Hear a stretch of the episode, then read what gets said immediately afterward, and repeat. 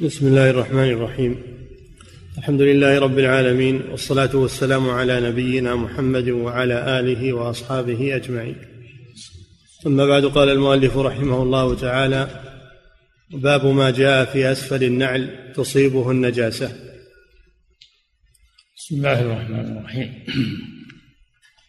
الحمد لله رب العالمين صلى الله وسلم على نبينا محمد وعلى آله وأصحابه أجمعين. في هذا الباب وما بعده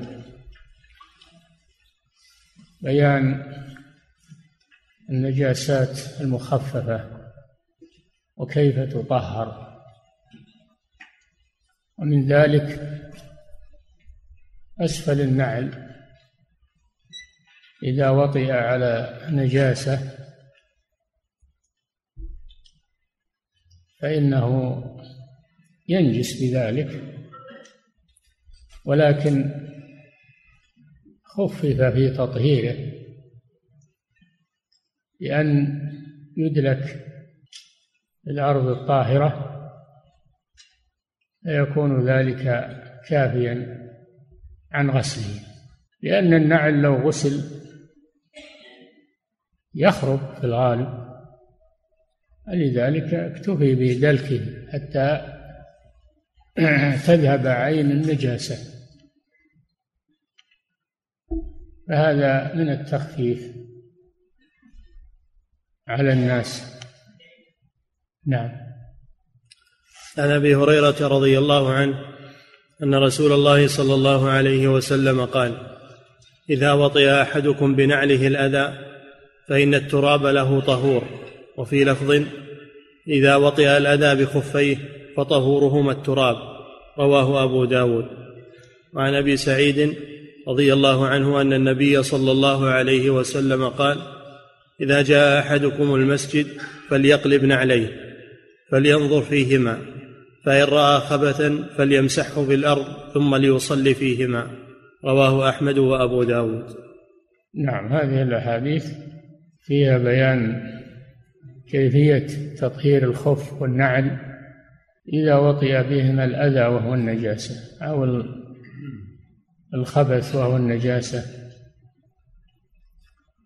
فإنه يكفي في تطهيرهم التراب يعني يدلك بالتراب حتى يذهب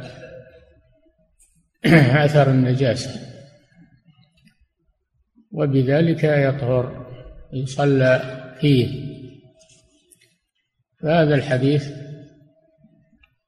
فيه كيفية تطهير الخف والنعل إذا أصابت أسفلهما نجاسة بالوطء وأنه لا يتعين الماء وإنما يكفي التراب. تراب الطهور وهذا من باب التيسير على الناس التخفيف على الناس كثرة ما يقع من ذلك. وفيه في هذه الأحاديث مشروعية دخول المسجد بالنعلين بشرط أن يكونا طاهرين من النجاسة. وأن يصلي فيهما. هذا سنة. الصلاة في النعلين سنة. مخالفة لليهود. إن اليهود لا يصلون في نعالهم. فأمر النبي صلى الله عليه وسلم بمخالفتهم. وفيه أيضا في هذه الأحاديث أن الإنسان لا يدخل المسجد حتى ينظر يقلب عليه وينظر فيهما. فإن أدرك فيهما نجاسة فلا يدخل حتى يمسحها بالتراب حتى تزول. ففيه تفقد النعلين عند دخول المسجد. وهذا يوم أن كانت المساجد ترابية. المساجد إلى عهد قريب كانت ترابية. يصلي الناس على التراب على الرمل ولا يؤثر فيها دخولها بالنعال لا يؤثر فيها. أما الآن لما أصبحت المساجد تبلط وتفرش فإن الناس لو دخلوا بنعالهم لوسخوها وأفسدوا الفرش وحصل من ذلك أذى للمساجد. فتغير الوضع الآن دخول النعال دخول المساجد بالنعال والصلاة والصلاة فيها. لأنه منع من ذلك مانع وهو أن وضع المساجد اليوم غير وضعها في الأمس فيحترم المسجد لأجل ذلك. فتخلع النعال عند عند دخول المسجد؟ توضع في مكان كما هو معروف الآن أو إن أراد أن يدخل بهما فإنه تحفظ عليهما أيضا يضعهما في كيس أو يطبق بعضهما على بعض ويجعلهما في مكان في مكان يعرفه حتى يأمن عليهما. وهذه المسألة التي دلت عليها هذه الأحاديث فيها خلاف بين العلماء. الأحاديث الواردة فيها كلها فيها مقال ولكن تتعاضد يقوي بعضها بعضا. تدل على المطلوب وينجبر ما فيها من من الضعف. تدل على المطلوب. ولكن العلماء اختلفوا في كيفية تطهير النجاسة من النعل أو من الخف بعض العلماء يرى أنه لا بد من الغسل لأن الأصل في تطهير النجاسات هو الغسل. ولم يصح أحاديث تصرف عن هذا الأصل. تبقى المسألة على ما هي عليه. فإذا علم النجاسة في خفيه أو نعليه فلا بد من غسلها بالماء. لأن الماء هو الأصل في تطهير النجاسات. والقول الثاني القول الثاني أنه أنه يكفي المسح بالتراب. يكفي المسح بالتراب كما جاء في هذه الأحاديث وهي وإن كانت فيها مقال إلا أنها تتعاضد ويقوي بعضها بعضا. فيعمل فيعمل بها. هذا قول ثاني. وهذا هو الراجح والله أعلم. فيه قول ثالث أنه إن كانت النجاسة رطبة فلا بد من غسلها وإن كانت يابسة فيكفي حكها. وفركها بالتراب. هذا القول الثالث. لكن أرجحها القول الثاني أنها تطهر بالدلك بالتراب مطلقة سواء كانت النجاسة رطبة أو أو يابسة لأن الأحاديث لم تفرق في هذا. نعم. باب نضح بول الغلام إذا لم يطعم. ومن أنواع النجاسة المخففة بول الغلام هو الذكر الصغير الذي يرضع يتغذى باللبن لا يأكل الطعام. فهذا إذا بال على الثوب فإنه يكفي رشه بالماء. ونضحه بالماء. وهذا ما حصل من النبي صلى الله عليه وسلم من قوله ومن فعله. كما يأتي في الأحاديث. نعم.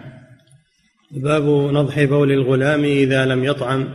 عن أم قيس. إذا لم يطعم إذا يعني لم يتغذى بالطعام وإنما يتغذى باللبن فقط.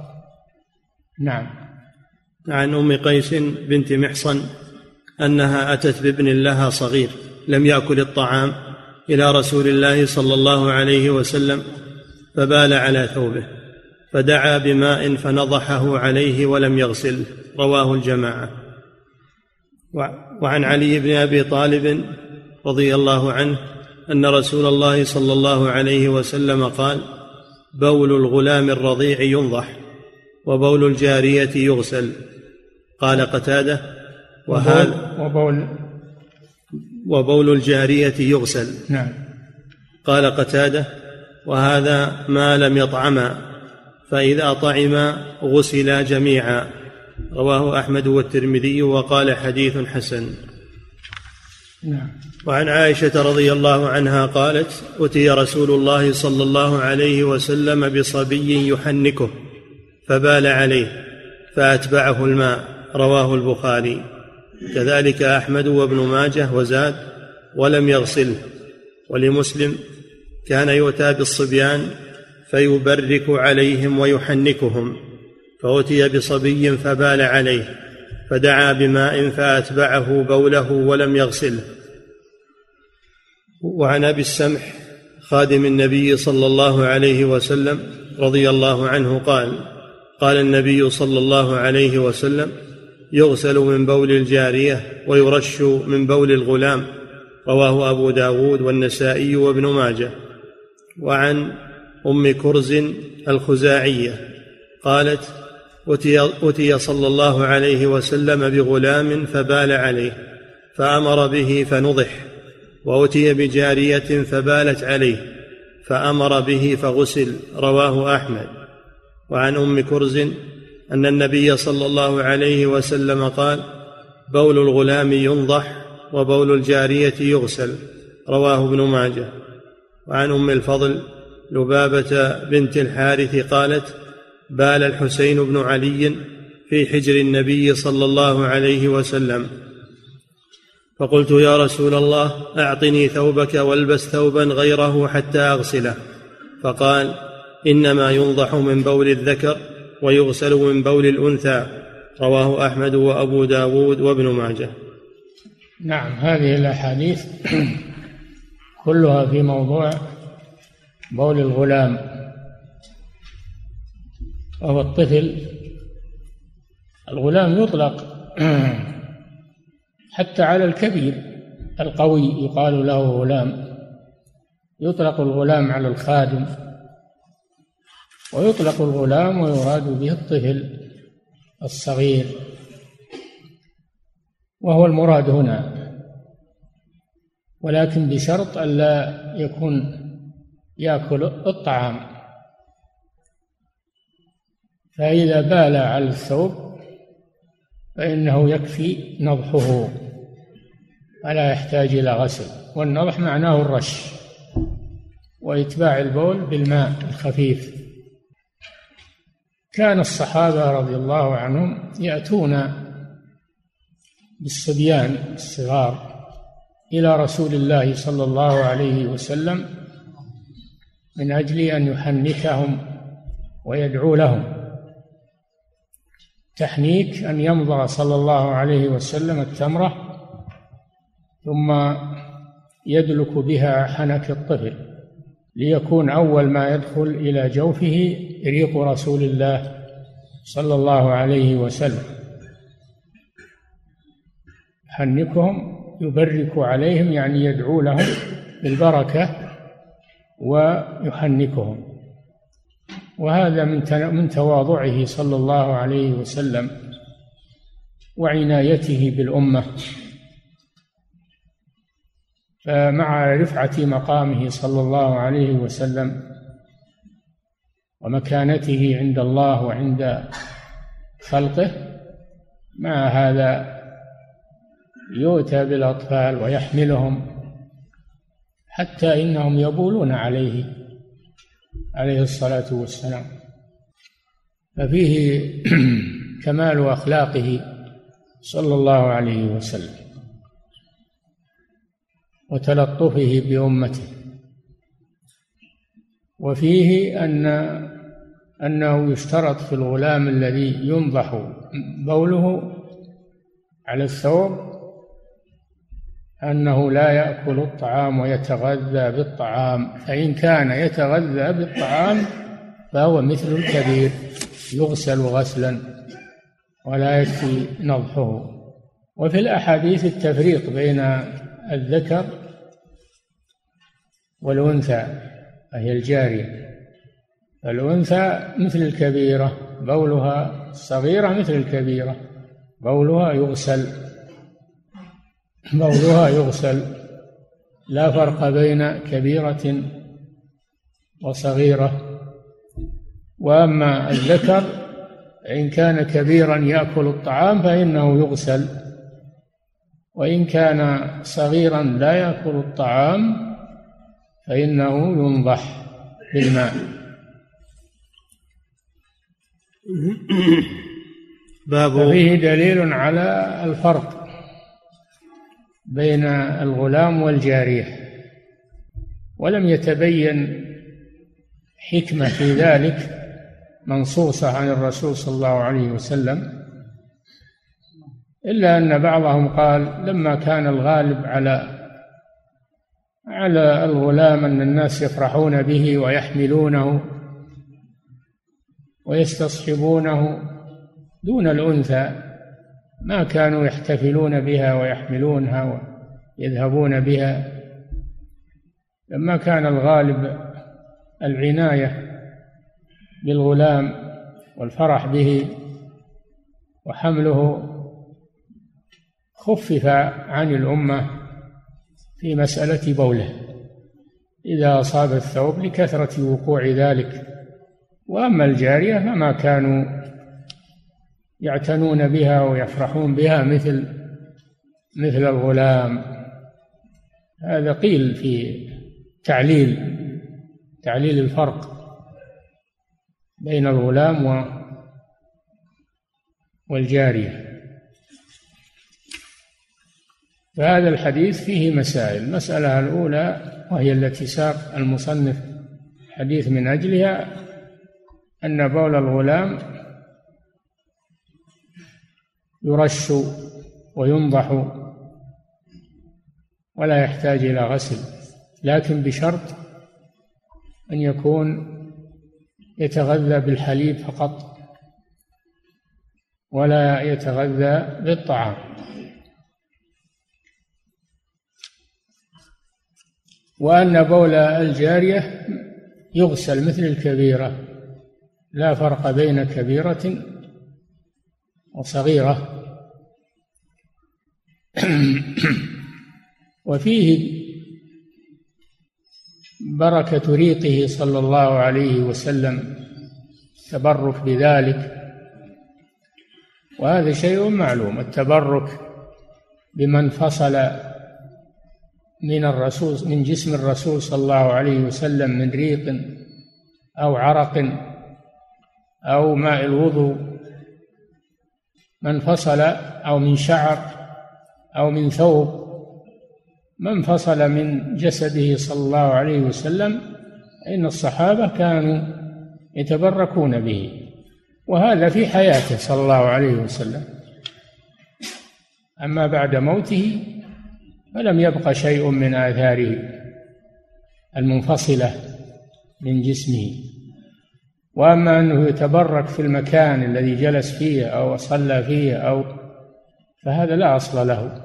هو صلى في أمكنة كثيرة.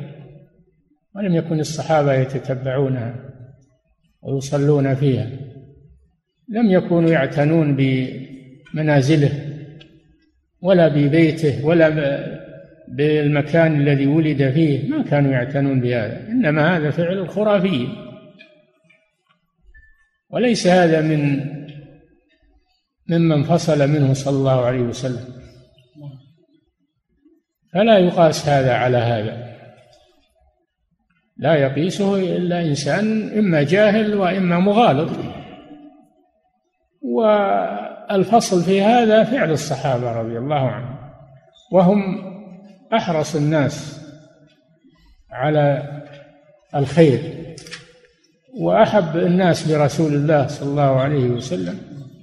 ما كانوا يتتبعون الآثار والأماكن التي جلس فيها أو ولد فيها أو سكن فيها أو الشجر الذي استظل تحته. ما كانوا يعتنون بهذه الأمور. إنما يعتنون بالآثار التي هي الأحاديث. الآثار عند السلف هي الأحاديث. أما كلمة الآثار تطلق على الخراب والديار و... فهذا لا أصل له. هذا لا أصل له. ولا يتبرك به ولا يعتنى به. يترك في غيره من الأرض. نعم. وفيه تواضعه صلى الله عليه وسلم وتبسطه مع الأطفال وأنه أنه يحملهم وأنهم يبولون عليه. نعم. باب الرخصة في بول ما يؤكل لحمه.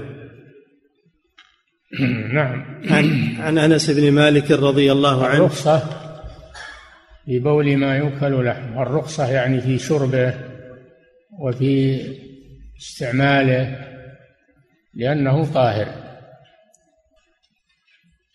لأنه طاهر. فيرخص في حمله وفي استعماله.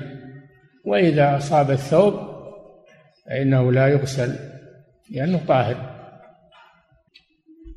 لأنه طاهر. أورد الشيخ رحمه الله حديثين في الباب. حديث أن الرسول صلى الله عليه وسلم أمر العرنيين الذين أصابتهم الحمى بشرب أبوال الإبل وألبانها للاستشفاء بذلك.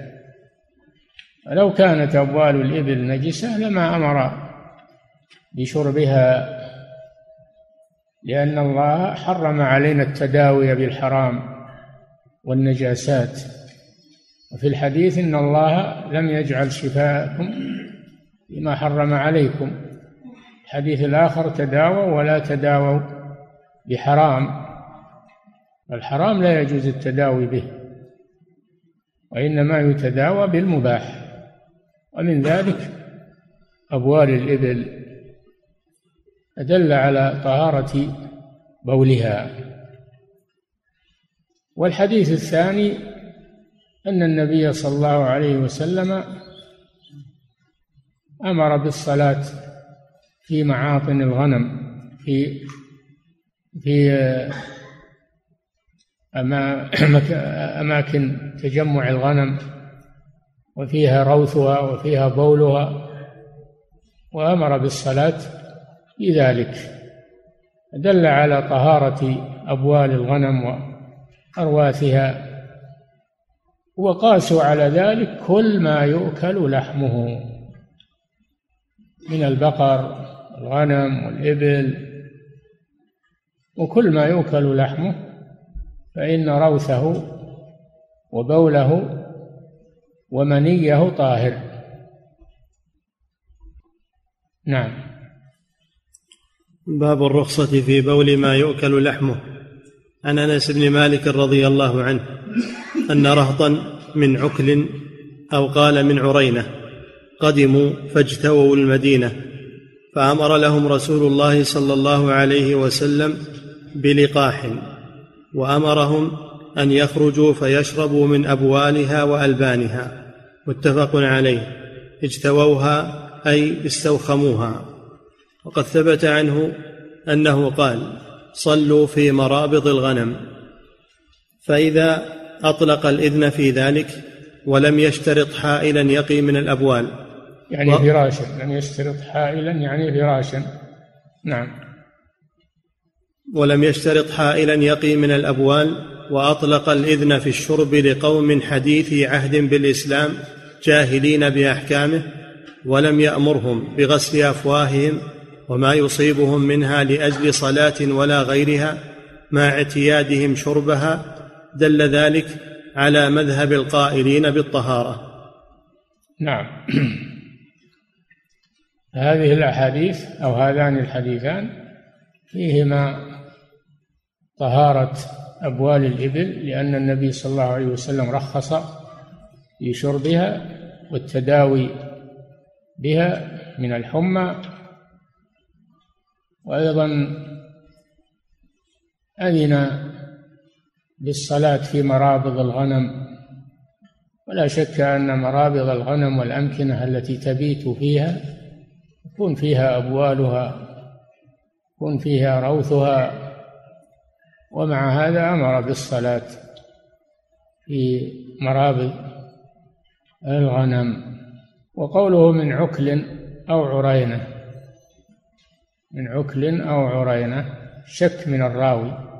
هل هؤلاء القوم من قبيلة عكل من بني تميم أو عرينة من من قضاعة؟ فهو شك من الراوي. لكن في بعض الروايات من عكل وعرينة بالواو. قالوا فهذا يدل على أن هؤلاء الأعراب صنفان صنف من عكل وصنف من عرينة. بعضهم من عكل وبعضهم من عرينة. والأمر في هذا سهل. اجتووا المدينة أي استوخموها لأن المدينة كان فيها حمى. كانت تصاب يصاب أهلها بالحمى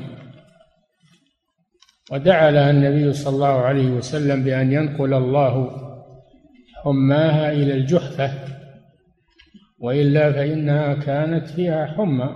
الصحابة أول ما هاجروا إليها أصابتهم وعكتهم الحمى. وهؤلاء النفر من من الأعراب أصابتهم الحمى في المدينة. فأمر النبي صلى الله عليه وسلم أن يتعالجوا. هذا فيه دليل على مشروعية العلاج وطلب العلاج لأن العلاج سبب من الأسباب المباحة. ولكن اختلف العلماء هل العلاج مباح فقط أو هو مستحب أو واجب. على أقوال المذهب أنه مباح أن العلاج مباح. وليس مستحبا ولا واجبا. وقد أمر النبي صلى الله عليه وسلم هؤلاء أن يتعالجوا فهذا من المباح. و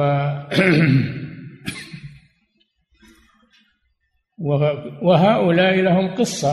هؤلاء العرانيون لهم قصة أنهم ذهبوا وشربوا من البانية وأبوالها وسفوا. وذهبت عنهم الحمى ثم قتلوا الراعي. طبيعة الأعراب. قتلوا راعي الرسول صلى الله عليه وسلم ومثلوا به وأخذوا الإبل. أخذوا الإبل استولوا عليها. فأرسل النبي صلى الله عليه وسلم في طلبهم فجيء بهم.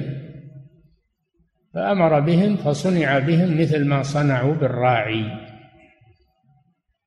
مثل ما صنعوا بالراعي من المثلة ومن القتل. هذا من باب قتل المحاربين أن فعلهم هذا حرابة. قتلوا الرجل وأخذوا المال هذه حرابة. فأمر النبي صلى الله عليه وسلم أن يصنع بهم مثل ما صنعوا بالراعي. لأجل زجر الناس عن هذا العمل القبيح. وهذه تسمى قصة العرنيين وهي مشهورة ويؤخذ منها حد الحرابة. وأنه يفعل بالجاني مثل ما فعل بالمجني عليه من باب القصاص.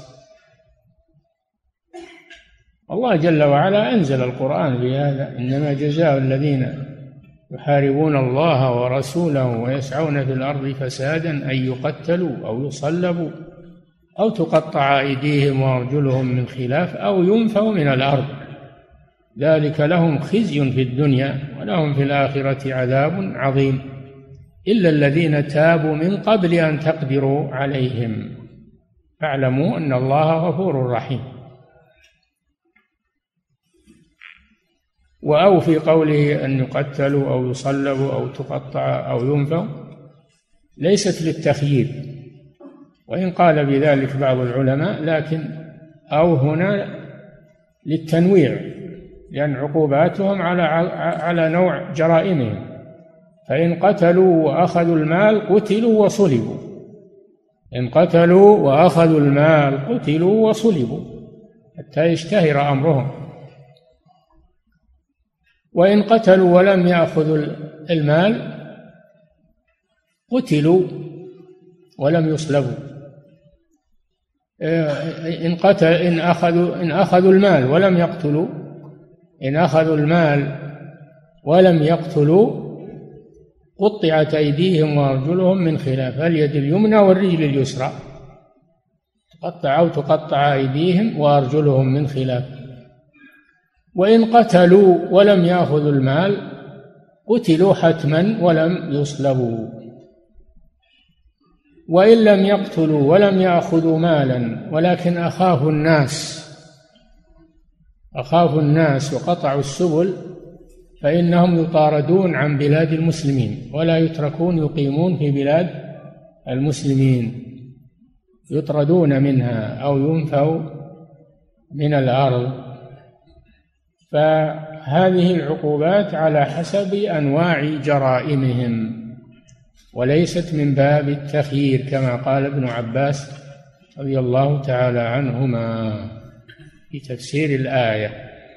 الشاهد أن هذه قصة العرنيين والمقصود منها أن بول الإبل طاهر فإذا أصاب البدن أو الثوب فلا يغسل وأنه يجوز شربه والتداوي به. وكذلك الصلاة في مرابض الغنم مع أنه لم يأمرهم أن يجعلوا حائلا يمنع من مباشرة الأرض التي ربضت فيها مع أنها تبول وتروث ولم يأمر ب يأمر بوضع حائل دليل على طهارة أبوالها وأرواثها ومثلها كل ما يؤكل لحمه. فهو طاهر بوله طاهر روثه طاهر منيه.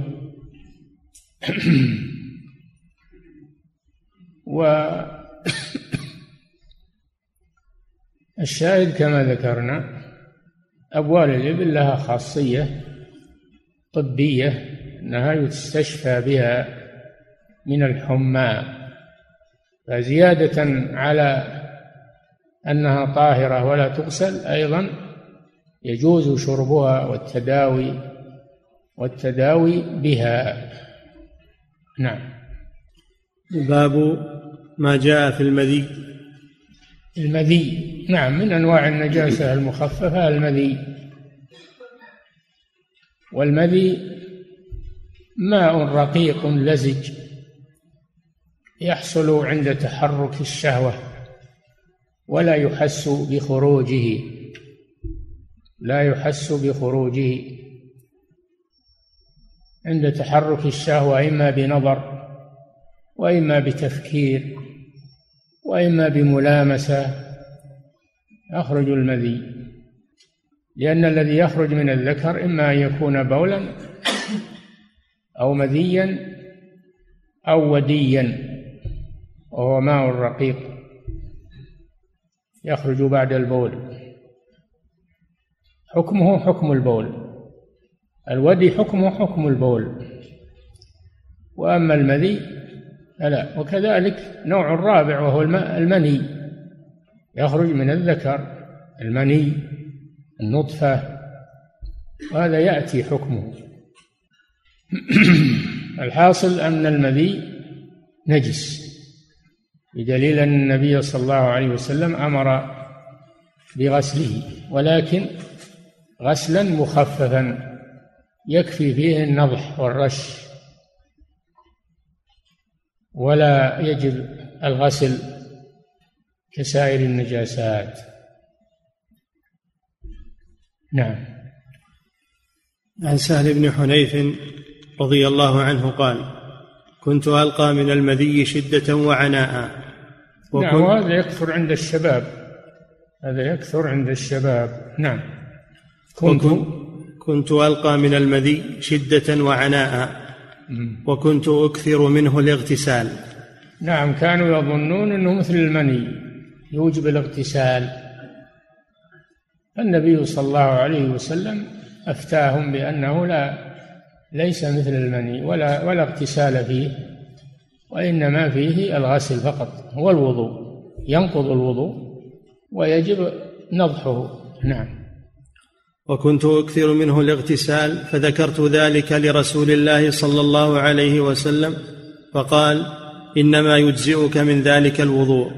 فقلت يا رسول الله فكيف بما يصيب ثوبي منه؟ قال يكفيك أن تأخذ كفا من ماء فتنضح به ثوبك حيث ترى أنه قد أصاب منه. رواه أبو داود وابن ماجه والترمذي. قال حديث حسن صحيح. نعم. فهذا فيه أن المذي يوجب الوضوء أنه ينقض الوضوء يعني خارج من السبيل وأنه نجس أيضا أنه نجس ولكن يكفي في معالجته النضح وهو الرش علي على المخرج. وفي رواية حتى ويغسل الذكر والقضيب والخصيتان أيضا. وأما غسل غسل المخرج هذا لا بد منه.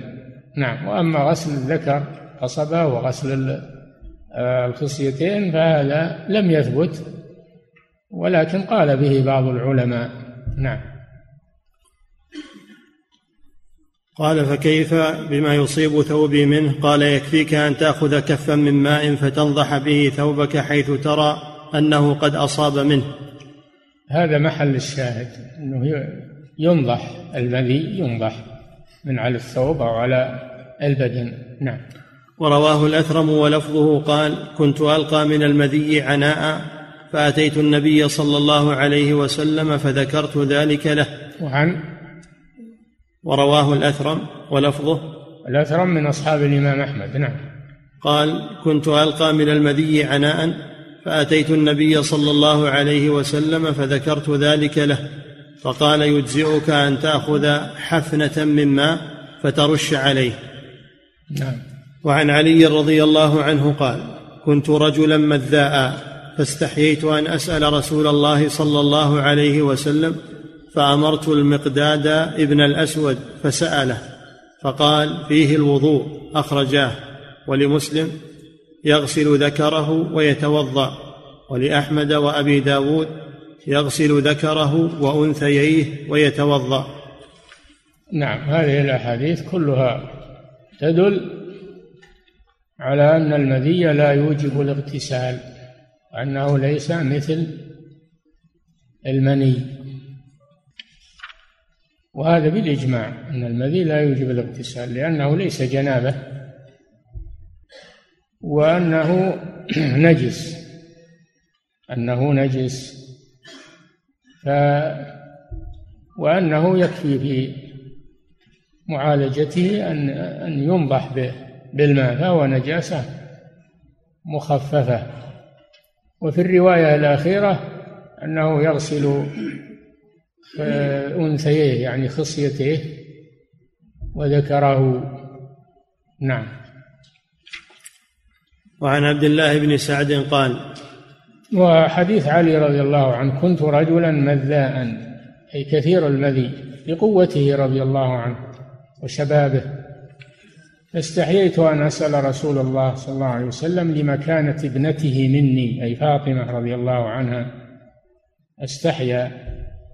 ففي هذا الحياء من أهل الفضل وأهل العلم وأن الإنسان إذا لم يقدر على سؤالهم لمانع الحياء أو غير ذلك أنه ينيب ينيب من يسأل عنه. هذا علي رضي الله عنه أناب المقداد بن الأسود رضي الله عنه يسأل رسول الله صلى الله عليه وسلم. بين له صلى الله عليه وسلم أنه يكفي فيه الوضوء. ونضح ما أصابه المذي من ثوب أو بدن مع غسل المخرج وهو الاستنجاء. نعم.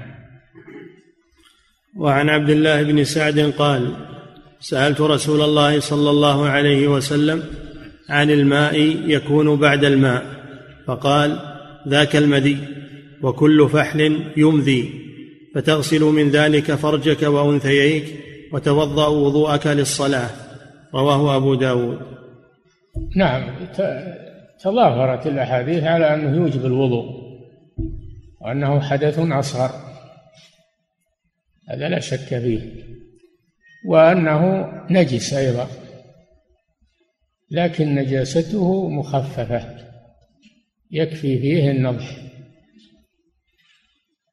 على ما أصابه من الثوب أو البدن.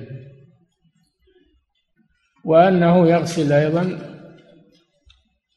خصيتيه أنثييه. ولكن هذا لم تثبت الرواية فيه. نعم. باب باب ما جاء في المني. نعم هذا هو النوع الرابع مما يخرج من الذكر وهو المني. والمني يخرج من الفحول من بني آدم ومن حيوانات وهو النطفة التي يخلق الله منها يخلق الله منها النسل. ألم نخلقكم من ماء مهين؟ يعني المني. الماء المهين يعني ضعيف. الماء المهين يعني الضعيف وهو المني. هذا من آيات الله سبحانه. وهو الذي خلق من الماء بشرا جعله نسبا وصهرا. وكان ربك قديرا. آدم خلقه الله من تراب. وبنو آدم خلقهم الله من الماء وهو المني. ولقد خلقنا الإنسان من سلالة من طين. ولقد خلقنا الإنسان الذي هو آدم من سلالة من طين ثم جعلنا نسله من ماء مهين. وهو المني. المني الذي يخرج من الذكور ومن الإناث أيضا. الإناث لها مني أيضا. ويجتمع مع الرجل ومع المرأة ويتكون منهما الجنين بإذن الله. يخرج من بين الصلب والترائب صلب الرجل وترائب المرأة. يجتمعان من نطفة أمشاج. الأمشاج يعني مختلطة. من ماء الرجل وماء المرأة هذه خلق الله سبحانه وتعالى. هذا المني. فإذا أصاب الثوب أو أو أصاب البدن فإنه طاهر. وأن وأن إزالته من باب التنظف وليس من باب إزالة النجاسة. إن كان رطبا فإنه يغسل. وإن كان يابسا فإنه يحك. ولو لم يحك ولم يغسله وصلى صلاته صحيحة. لأنه طاهر. لأنه طاهر. نعم. باب ما جاء في المني. عن عائشة رضي الله عنها قالت ولم يكن نطفة من مني يمنى. في قراءة تمنى. ألم يكن نطفة من مني تمنى؟ نعم. أي تراق نعم. عن عائشة رضي الله عنها قالت كنت أفرك المني من ثوب رسول الله صلى الله عليه وسلم ثم يذهب فيصلي فيه. رواه الجماعة إلا البخاري. ولأحمد كان رسول الله صلى الله عليه وسلم يسلت المني من ثوبه بعرق بعرق الإذخر. ثم يصلي فيه. الإذخر نبات نبات الحجاز معروف. نعم. ثم يصلي فيه ويحته من ثوبه يابسا ثم يصلي فيه. وفي نعم. لفظ متفق عليه كنت أغسل كنت أغسله من ثوب رسول الله صلى الله عليه وسلم ثم يخرج إلى الصلاة وأثر الغسل في ثوبه بقع الماء. نعم. وللدار قطني عنها كنت أفرك المني من ثوب رسول الله صلى الله عليه وسلم إذا كان يابسا وأغسله إذا كان رطبا. قلت فقد بان من مجموع النصوص جواز. يعني المجد بن تيمية رحمه الله. المؤلف نعم. قلت فقد بان من مجموع النصوص جواز الأمرين. نعم. وعن إسحاق الأمرين جواز الأمرين وهي الحك أو الغسل. نعم. وعن إسحاق بن يوسف قال حدثنا شريك عن محمد بن عبد الرحمن عن عطاء عن ابن عباس رضي الله عنهما قال سئل النبي صلى الله عليه وسلم عن المني يصيب الثوب فقال إنما هو بمنزلة المخاط والبصاق وإنما يكفي المخاط الذي يخرج من الانف طاهر والبصاق الذي يخرج من الفم طاهر أيضا فضلات طاهرة. نعم. فقال إنما هو بمنزلة المخاط والبصاق وإنما يكفيك أن تمسحه بخرقة أو بإذخرة. رواه الدار قطني. هذا من باب التنظيف لا من باب التطهير وإنما هو من باب التنظيف. نعم. رواه الدار قطني وقال لم يرفعه غير إسحاق غير إسحاق الأزرق عن شريك عن شريك. قلت وهذا لا يضر. لأن إسحاق إمام مخرج عنه في الصحيحين فيقبل رفعه وزيادته. نعم فدلت الأحاديث والروايات في هذا الموضوع على أن المني طاهر. على أن المني طاهر. وأنه إذا أصاب الثوب أو البدن فإنه يحك ويزال أو يمسح. يحك إن كان يابسا أو يمسح إن كان رطبا أو يغسل بالماء. من باب التنظيف لا من باب النجاسة. باب التنظيف لا من باب النجاسة. وبعض العلماء يقول كما قالت عائشة أحكه يابسا وأغسله رطبا أنه إن كان رطبا يغسل. وإن كان يابسا يحك. وهذا من باب التنظيف لا من باب آه، الطهارة. نعم. باب أن ما لا نفس له سائلة. يكفي. والله تعالى أعلم. وصلى الله وسلم على نبينا محمد.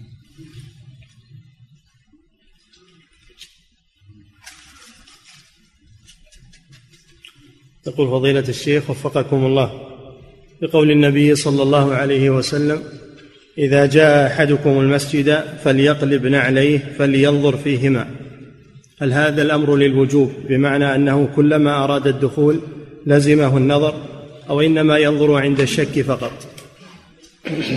ظاهر الأمر الوجوب. ظاهر الأمر الوجوب ليتأكد من صلاحيتهما للدخول. نعم.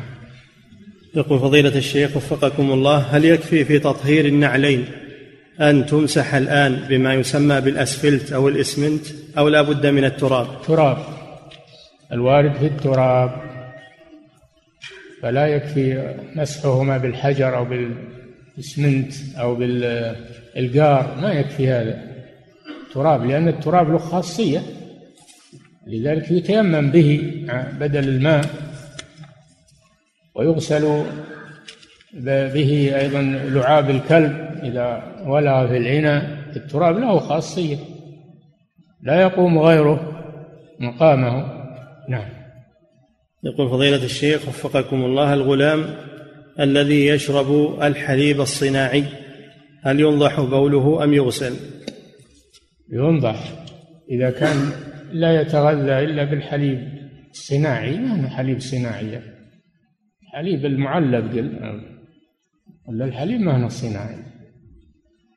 فالحليب المعلب إذا كان يتغذى به فهو مثل حليب الأم في الحكم نعم.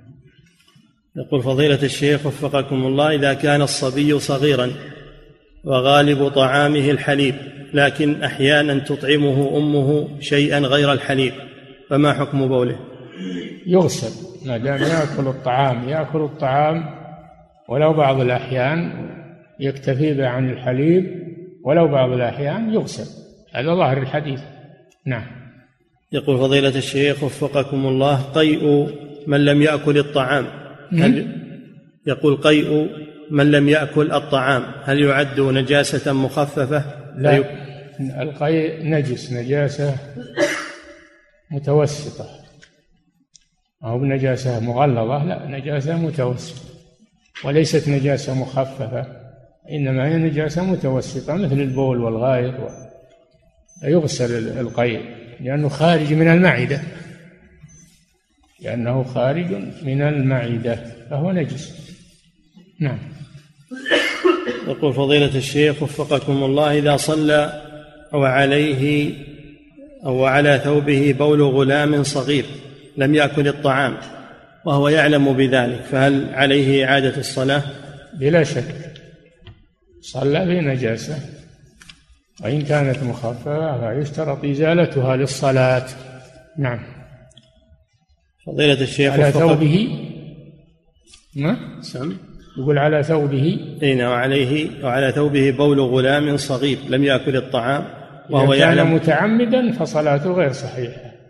أما إذا كان ناسيا أو جاهلا به فصلاته صحيحة لكن يغسله للمستقبل. نعم. فضيلة الشيخ وفقكم الله أسئلة تسأل كثيرة. هل التحنيك خاص بالنبي صلى الله عليه وسلم أم أنه عام ويذهب بالأطفال إلى العلماء والصالحين فيحنكونهم؟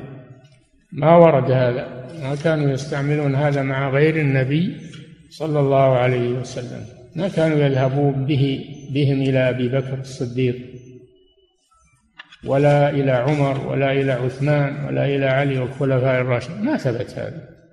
هذا خاص بالنبي صلى الله عليه وسلم. نعم. من جملة خصوصياته.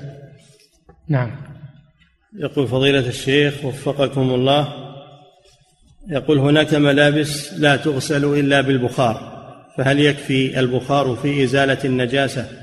لا إذا, إذا كان عليها نجاسة لا بد من غسلها بالماء. البخار لا يكفي. لا بد من غسلها بالماء لأن البخار يجعل معه مواد منظفة ولا تكفي عن الماء. نعم. يقول فضيلة إنما البخار عن الأوساخ. البخار يستعمل لإزالة الأوساخ. أما إزالة النجاسة فلا بد من الغسل. نعم. يقول فضيلة الشيخ وفقكم الله يقول بعض الأطباء إن شرب لبن الإبل يولد امراضا كالحمى المالطية ونحو ذلك فما رأي الشرع في ذلك؟ هذا جاهل هذا طبيب جاهل وقال بما لم يعلم. هذا خارج عن علم الأطباء هذا خارج عن علم الأطباء. لو كل الأطباء قالوا إنه ما يصلح قلنا لا يصلح بدليل حديث الرسول صلى الله عليه وسلم لكن خفي عليكم خفي عليكم هذا. ولا هم من لازم إنه يصلح لكل الناس الناس قد لا يصلح له. بعض الناس قد لا يصلح له. لأمر فيه خاص. ما هو دليل على أن البول ما يصلح دليل على أنه هو ما يقبل هذا الشيء ولا يطابق له. نعم. يقول فضيلة الشيخ وفقكم الله من يستقبح شرب بول الناقة ولا يستحسنه عقلا؟ فما الحكم فيه؟ كيف؟ ولا ولا يمنع الناس منه ولا يقول إنه ما يصلح. أما كونه يعافه كيف؟ إنما نقول يجب عليه يشرب من بول النار ما نقول يجب عليه. لكن نقول له لا تحرمه على الناس أو تكره الناس له. نعم. يقول فضيلة الشيخ وفقكم الله في قول المؤلف رحمه الله في الحديث اجتووها أي استوخموها. ما معنى استوخموها؟ رائحتها يعني وجوها اجتووها يعني استنكروا جوها وهواءها لأنها كانت تحم في أول الأمر. نعم. يقول فضيلة الشيخ وفقكم الله ورد عن النبي صلى الله عليه وسلم الحث على الصلاة بالنعال فإذا تأكدت من طهارتها فهل لي أن أصلي بها في المساجد المفروشة؟ لا صل بها في بيتك ولا في مصلاك الخاص. أما أنك تدخل المساجد المنظفة التي المبلطة التي لا تتحمل الوطع عليها بالغبار والتراب لا. هذا لا يجوز هذا أذى. نعم. يقول فضيلة الشيخ وفقكم الله هل من السنة الاتيان إلى المسجد في فرض الفجر الاتيان بلا نعلين؟ يقول هل من السنة الاتيان إلى المسجد في فريضة الفجر بلا نعلين؟ لا أعلم شيء من ذلك الله أعلم. نعم. يقول فضيلة الشيخ وفقكم الله إمام مسجدنا إذا اشترى نعلا جديدا يؤم الجماعة وهو يلبس هذا النعل. أه؟ إمام مسجدنا إذا اشترى نعلا جديدا يؤم الجماعة وهو لابس لهذا النعل فهل ينكر عليه فعله هذا؟ مع أنه يحدث على الجماعة ويقول إن هذا من السنة المهجورة فهو يقوم الآن بإحيائها. عرفتم الجواب أن المساجد الآن ما تقبل الدخول بالنعال وسيحدث هذا شقاقا بين الناس ويحدث فتنة. تغير الوضع والحكم يدور مع علته. وكونه يوري الناس نعاله يجددها كيفه يوريهم يجيبها معه يوريهم لو ما لبسها أما أنه يقول هذا سنة على كل حال سنة على كل حال لا. سنة في بعض الأحوال المناسبة. نعم. يقول فضيلة الشيخ وفقكم الله ورد النهي عن ورد النهي من النبي صلى الله عليه وسلم عن الصلاة في معاطن الإبل والأمر بالصلاة في مرابض الغنم. فما الفرق بينهما؟ الله أعلم. هذا مما يخفى. هذا مما يخفى. لكن بعضهم يقول لأن الإبل تلابسها الشياطين والخفة بخلاف الغنم ففيها السكينة والهدوء. ولذلك ما من نبي إلا رعى الغنم كما في الحديث. ويختلف رعاة الغنم عن رعاة الإبل. تجد رعاة الإبل فيهم الطيش وفيهم تجد رعاة الغنم فيهم الهدوء والسكينة. الغنم لها خاصية دون الإبل. وبعضهم قال لأنه يخشى أن تأتي الإبل وهو يصلي في مكانها لأن تأتي إلى معاطنها. فيخشى أن تأتي وهو يصلي فتضره. على كل حال هو ما ثبت يعني بيان الفرق بين ذلك لكن التماس. نعم.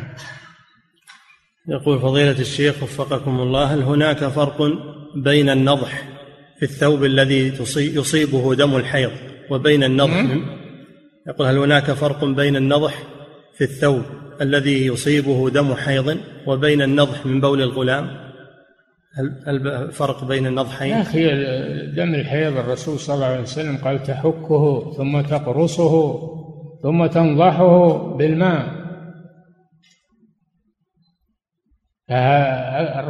الحيض له استعمال غير استعمال نضح بول الغلام. أما بول الغلام ما يحتاج فرق ولا يحتاج قرص وإنما ينضح بالماء فقط. نعم. يقول فضيلة الشيخ وفقكم الله ما حكم أو ما حكم أبوال وعذرة الجلالة؟ هل هي طاهرة قياسا على المأكول لحمه؟ لا إذا كانت تتغذى بالنجاسة فإنها تحبس ولا يؤكل لحمها ولا يشرب لبنها ما يشرب لبنها ولا يؤكل لحمها حتى تتغذى بالطاهر ثلاثة أيام أو أكثر. نعم.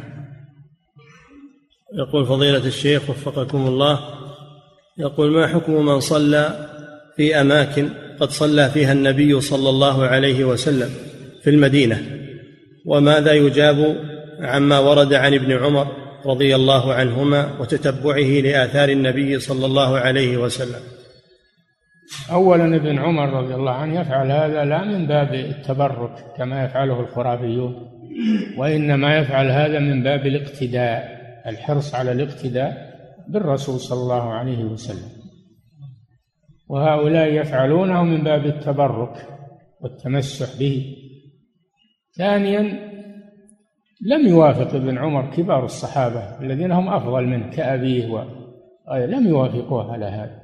إنما هذا اجتهاد منه رضي الله عنه وزيادة حرص على الاقتداء بالرسول صلى الله عليه وسلم لا أنه من باب التبرك الذي يريده الخرافيون الآن ولا يصلى في كل مكان صلى فيه الرسول.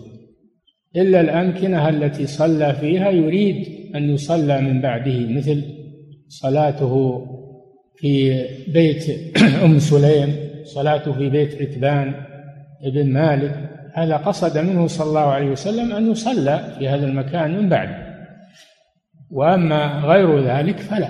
صلى في البر صلى في أمكنة في المغازي في الأسفار في أمكنة. وما كان الصحابة يتتبعون ويروحون لها من باب التكلف. وهذا من باب أيضا الغلو الذي لا يجوز. نعم. هذا من الغلو برسول الله صلى الله عليه وسلم.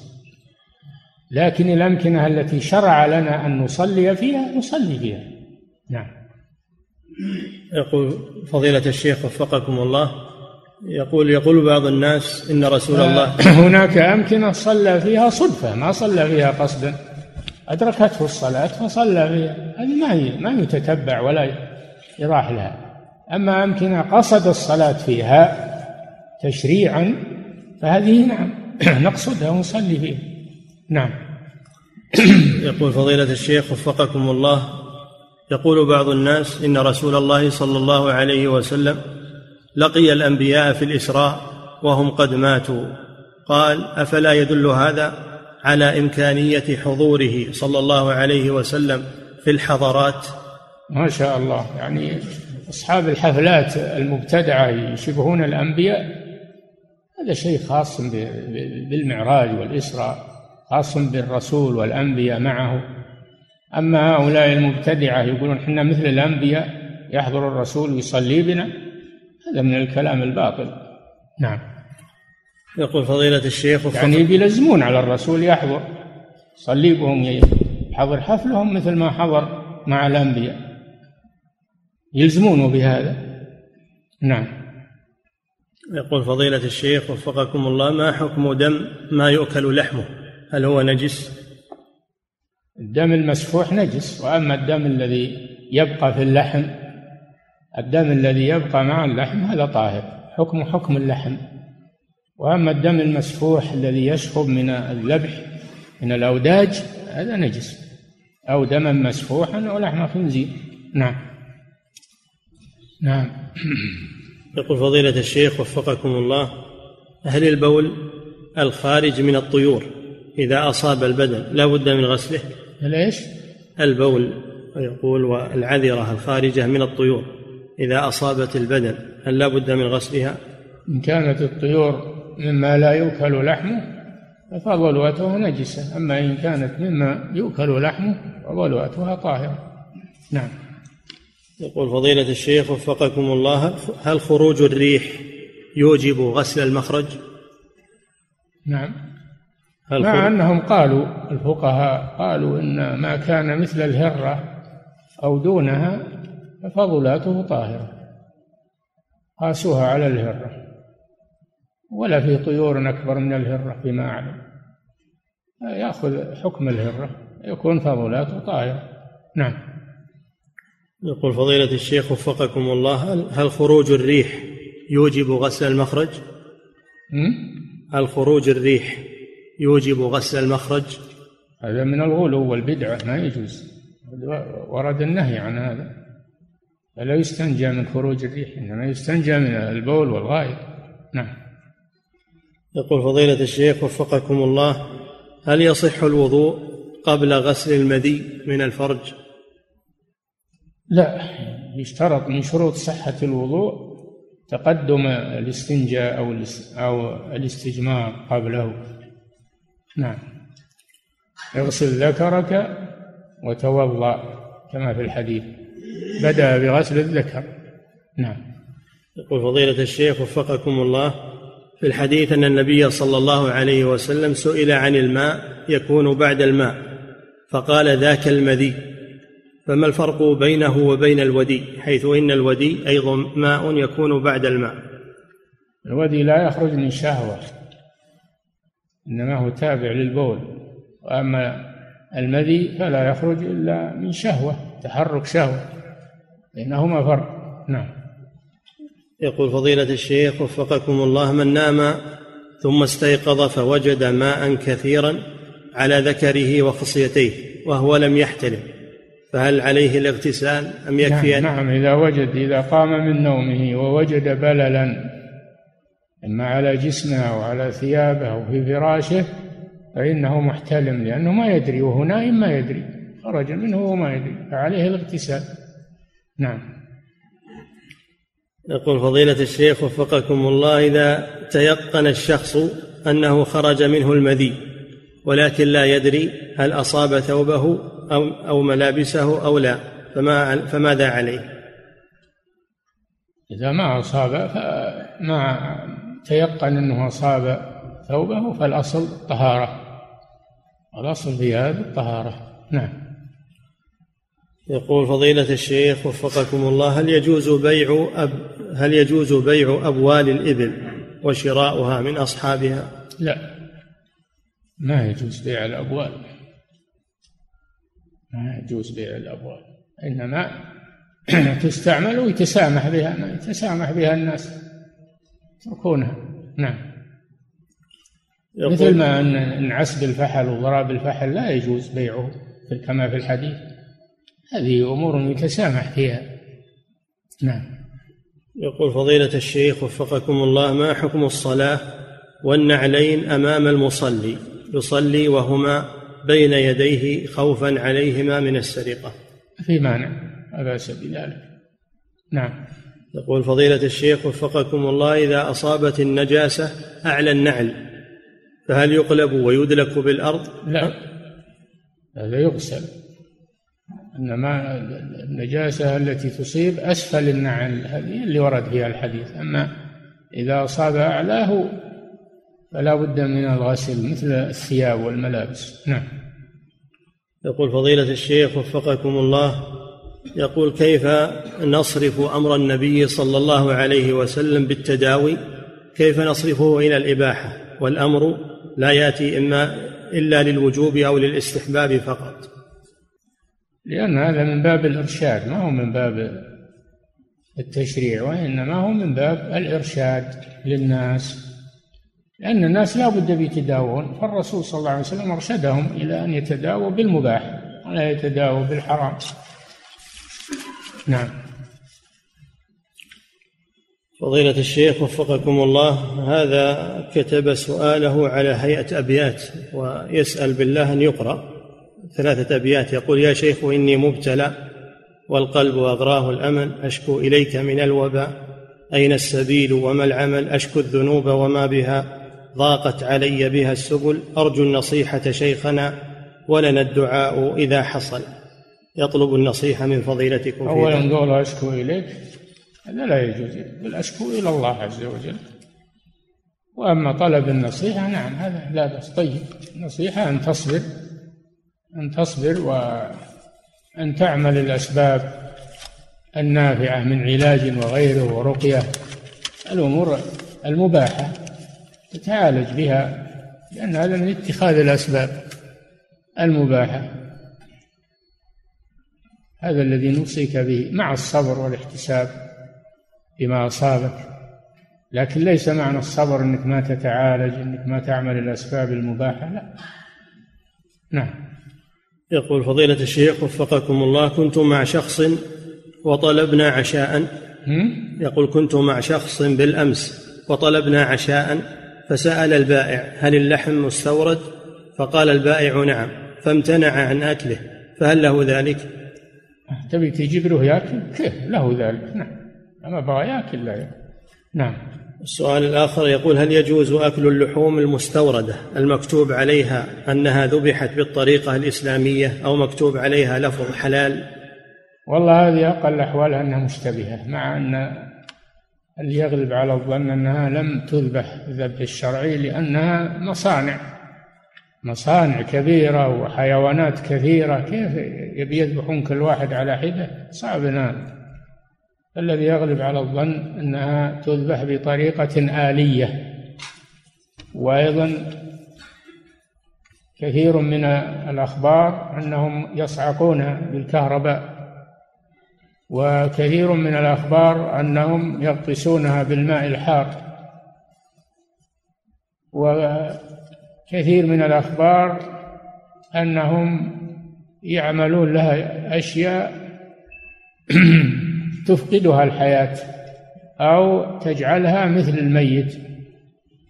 ولأنهم ما يتمكنون من هالكميات الكثيرة أنهم يذبحونها جميعا و... فعلى كل حال تجنبها اتقوا الشبهات. من اتقى الشبهات فقد استبرأ لدينه وعرضه. نعم. يقول فضيلة الشيخ وفقكم الله امرأة ماتت قبل ثمان سنوات وقبرت فيما يسمى بالمجنة وهي يقول وقبرت فيما يسمى بالمجنة وهي غرفة صغيرة تحفر في ضواحي المجنة. مجلة باللام؟ لا بالنون. ها؟ بالنون. مجنة. نعم. أي. يقول وهي غرفة صغيرة تحفر في ضواحي الجبال وتغطى بالحجارة. يقول وهذه الأيام يرى بعض أقاربها وجيرانها يرى هذه الميتة في المنام وهي تقول لهم وتأمرهم أن يخرجوها من تلك المجنة ويقبروها في قبر عادي. السؤال ما حكم إخراجها الآن وقبرها في قبر معتاد؟ وهي الآن بقايا عظام منذ ثمان سنوات. هذا طيب. إخراجها ما في شك أنه ما دامت توصي بذلك وتطلبه هذه يدل على أنها متأذية وأن مكانها غير مناسب أو مغصوب أو في شيء ينقلونها إلى المقبرة ويدفنونها بالمقبرة. الحمد لله. نعم. يقول فضيلة الشيخ وفقكم الله يوجد جهاز يوضع على الأبواب. فإذا فتحت الباب قال الجهاز اذكر الله اذكر الله أو صل على النبي محمد. فما الرأي في وضع مثل هذا الجهاز في البيوت وفي المحلات؟ ما في مانع لا بأس بذلك. أقول لا بأس بذلك. وإن كان هذا شيء جديد ما كان معمول به من قبل لكن لا بأس بذلك. ما نقول أنه ممنوع. نعم.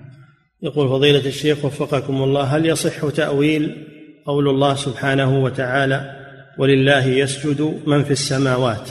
الآية التأويل السجود بأنه الخضوع. كل شيء يسجد بالطريقة التي بالطريقة التي تناسبه فسجودنا غير سجود الشمس والقمر وسجود كل شيء يسجد السجود يليق به. ولا نعلم كيفيته. ولا نقول الخضوع لا ما نقول هذا. نقول يسجد كما أخبر الله لكن كل شيء سجوده يناسبه. نعم. يقول فضيلة الشيخ وفقكم الله ما حكم ختم القرآن أو قراءة شيء منه عند الميت عند وضعه في القبر؟ وهل يصح هذا القول عن الشافعي؟ لا لم يثبت هذا. هذا لم يثبت فهو بدعة. إنما ورد أن تقرأ ياسين عند المحتضر عند المحتضر. والحديث فيه مقال ضعيف لكن هو عند المحتضر وليس عند الميت بعد ما تخرج روحه. الميت إذا خرجت روحه لا يقرأ عنده لا قبل الدفن ولا بعد الدفن وإنما يدعى له استغفر له تصدق عنه كما جاء في الأحاديث. نعم. ويقول وما حكم الوقوف عند رأس الميت ورفع اليدين والدعاء له. أما الوقوف على قبره الوقوف على قبره مستقبلا القبلة بعد دفنه مباشرة والاستغفار له وسؤال التثبيت له فهذا أمر به النبي صلى الله عليه وسلم. فقال استغفروا لأخيكم واسألوا له التثبيت فإنه الآن يسأل. هذا سنة أنهم بعد الدفن يقفون على قبره يقفون على قبره ويستغفرون له ويسألون له التثبيت.